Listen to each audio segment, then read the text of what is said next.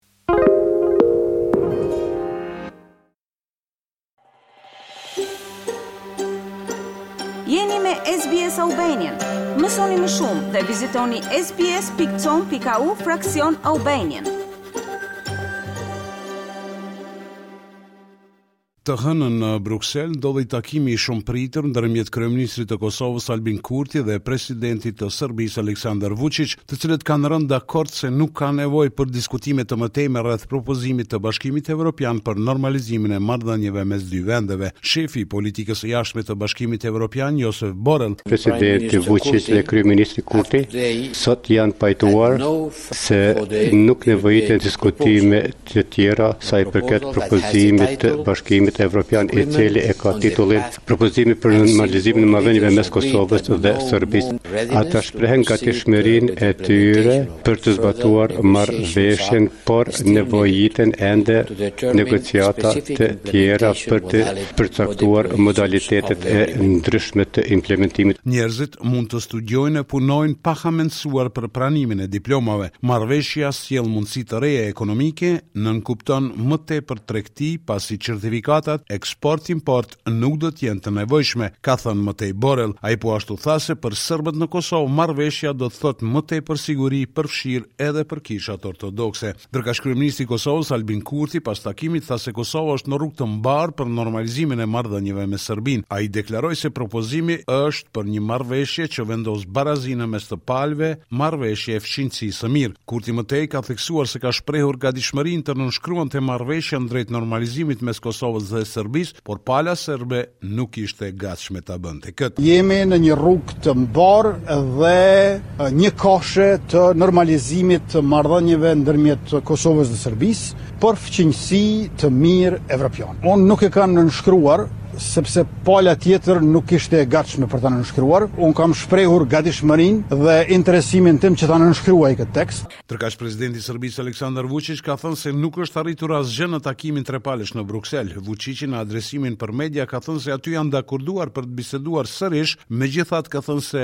së pari duhet të zbatohet Asociacioni, pasi sipas tij, ai është në rend të parë. Vuçiq ka potencuar se kryeministri Kurti ka refuzuar zbatimin e Asociacionit. Me të kthyer nga Brukseli, kryeministri Kurti ka komentuar takimin në Bruksel. Ai thotë se presin takime e diskutime të vështira gjatë muajve në vazhdim. Kryeministri Kurti thotë se nuk ka hequr dorë nga njohja në qendër nga Serbia dhe se nuk ka mundur ta publikojë planin franko-gjerman më herët për shkak se kjo ishte kërkesë e negociatorëve dhe i ftoi të gjithë që ta lexojnë e analizojnë planin pas publikimit zyrtar. Nuk kam hequr dorë nga asnjë qëllim, pra normalizimi i plotë i marrëdhënieve ndërmjet Kosovës dhe Serbisë bëhet me njohje reciproke dhe me reciprocitetin si princip. Diskutimet do të vazhdojnë sepse do të kemi tash negociata për planin e zbatimit. Është koha që qytetarët, politikanët, zyrtarët, ekspertët e profesionistët ta lexojnë vetë këtë tekst i cili ka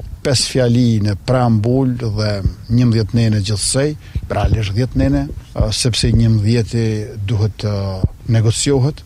Sidoqoftë takimi i së hënës ka nxitur debate të ashpra ndërmjet pozitës dhe opozitës dhe jo vetëm. Edhe shoqëria përgjithësisht është e ndarë në dysh sa i përket propozimit evropian. Përderisa një pjesë e shoqërisë konsideron se marrëveshja është e mirë për vendin, të tjerët thonë se ajo e dëmton tej mase funksionimin e shtetit të Kosovës. Më të shqetësuarit për takimin e Brukselit dolën të jenë anëtarët e LDK-së, e cila parti dorëzoi mocionin për raportimin e kryeministrit Albin Kurti në Kuvend. Opozita e akuzoi Kurtin se ka pranuar një marrëveshje të dëmshme për vendin. Para votimit të mocionit, deputeti i LDK-së Lumir Abdixhiku tha se kryeministri ka pranuar marrëveshje shumë të dëmshme. Ai pajtohet të tejkalojë trashëgiminë e të kaluarës, të tejkalojë historinë e përgjakshme të Serbisë ndaj popullit të Kosovës. Dhe jo vetëm kaq, në një rast të paprecedent, Kosova pajtohet me paparagjykimin rreth statusit të vet politik. Për marrëveshjen, Kurti u kritikua edhe nga Memli Krasniqi i. PDK-së. Flasim për një marrëveshje preambula e cilës specifikon neutralitetin ndaj statusit, pra heq dorë prej njohjes ndërsjellë. Në nenin dhjetë, pa njohjen e ndërsjellë e pranon Asociacionin. Me nenin shtatë i jep mundësi krijimit një sistemi autonomist për serbët e Kosovës. Akuzave të opozitës iu përgjigj kryeministri Kurti që tha se marrëveshja është e mirë dhe se ai nuk negocion asgjë në dëm të Kosovës. Premisa bazë e imja si kryeministër është që nuk do të lejoja të negocioja asgjë që nuk është përputhje me sistemin kushtetues e ligjor të Republikës apo diçka që synon territorializimin, monoetnicitetin apo krijimin e urave për ndërhyrje të Serbisë në punët e brendshme të Republikës së Kosovës. Deputeti i AAK-së, Besnik Tahiri, ndërkaq shprehu dyshime në lidhje me nënshkrimin e propozimit evropian. Unë dyshoj që ti në moment fundit ke me u tërhjek, se je tërhjek prej gjitha kauzave politike.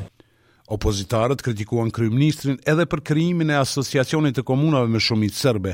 Pas rreth tre orësh debat, seanca u ndërpre kur Kurti u largua nga Kuvendi me arsyetimin e respektimit të agjendës ditore. Ndërkohë, tha se është i gatshëm të rikthehet në Kuvend.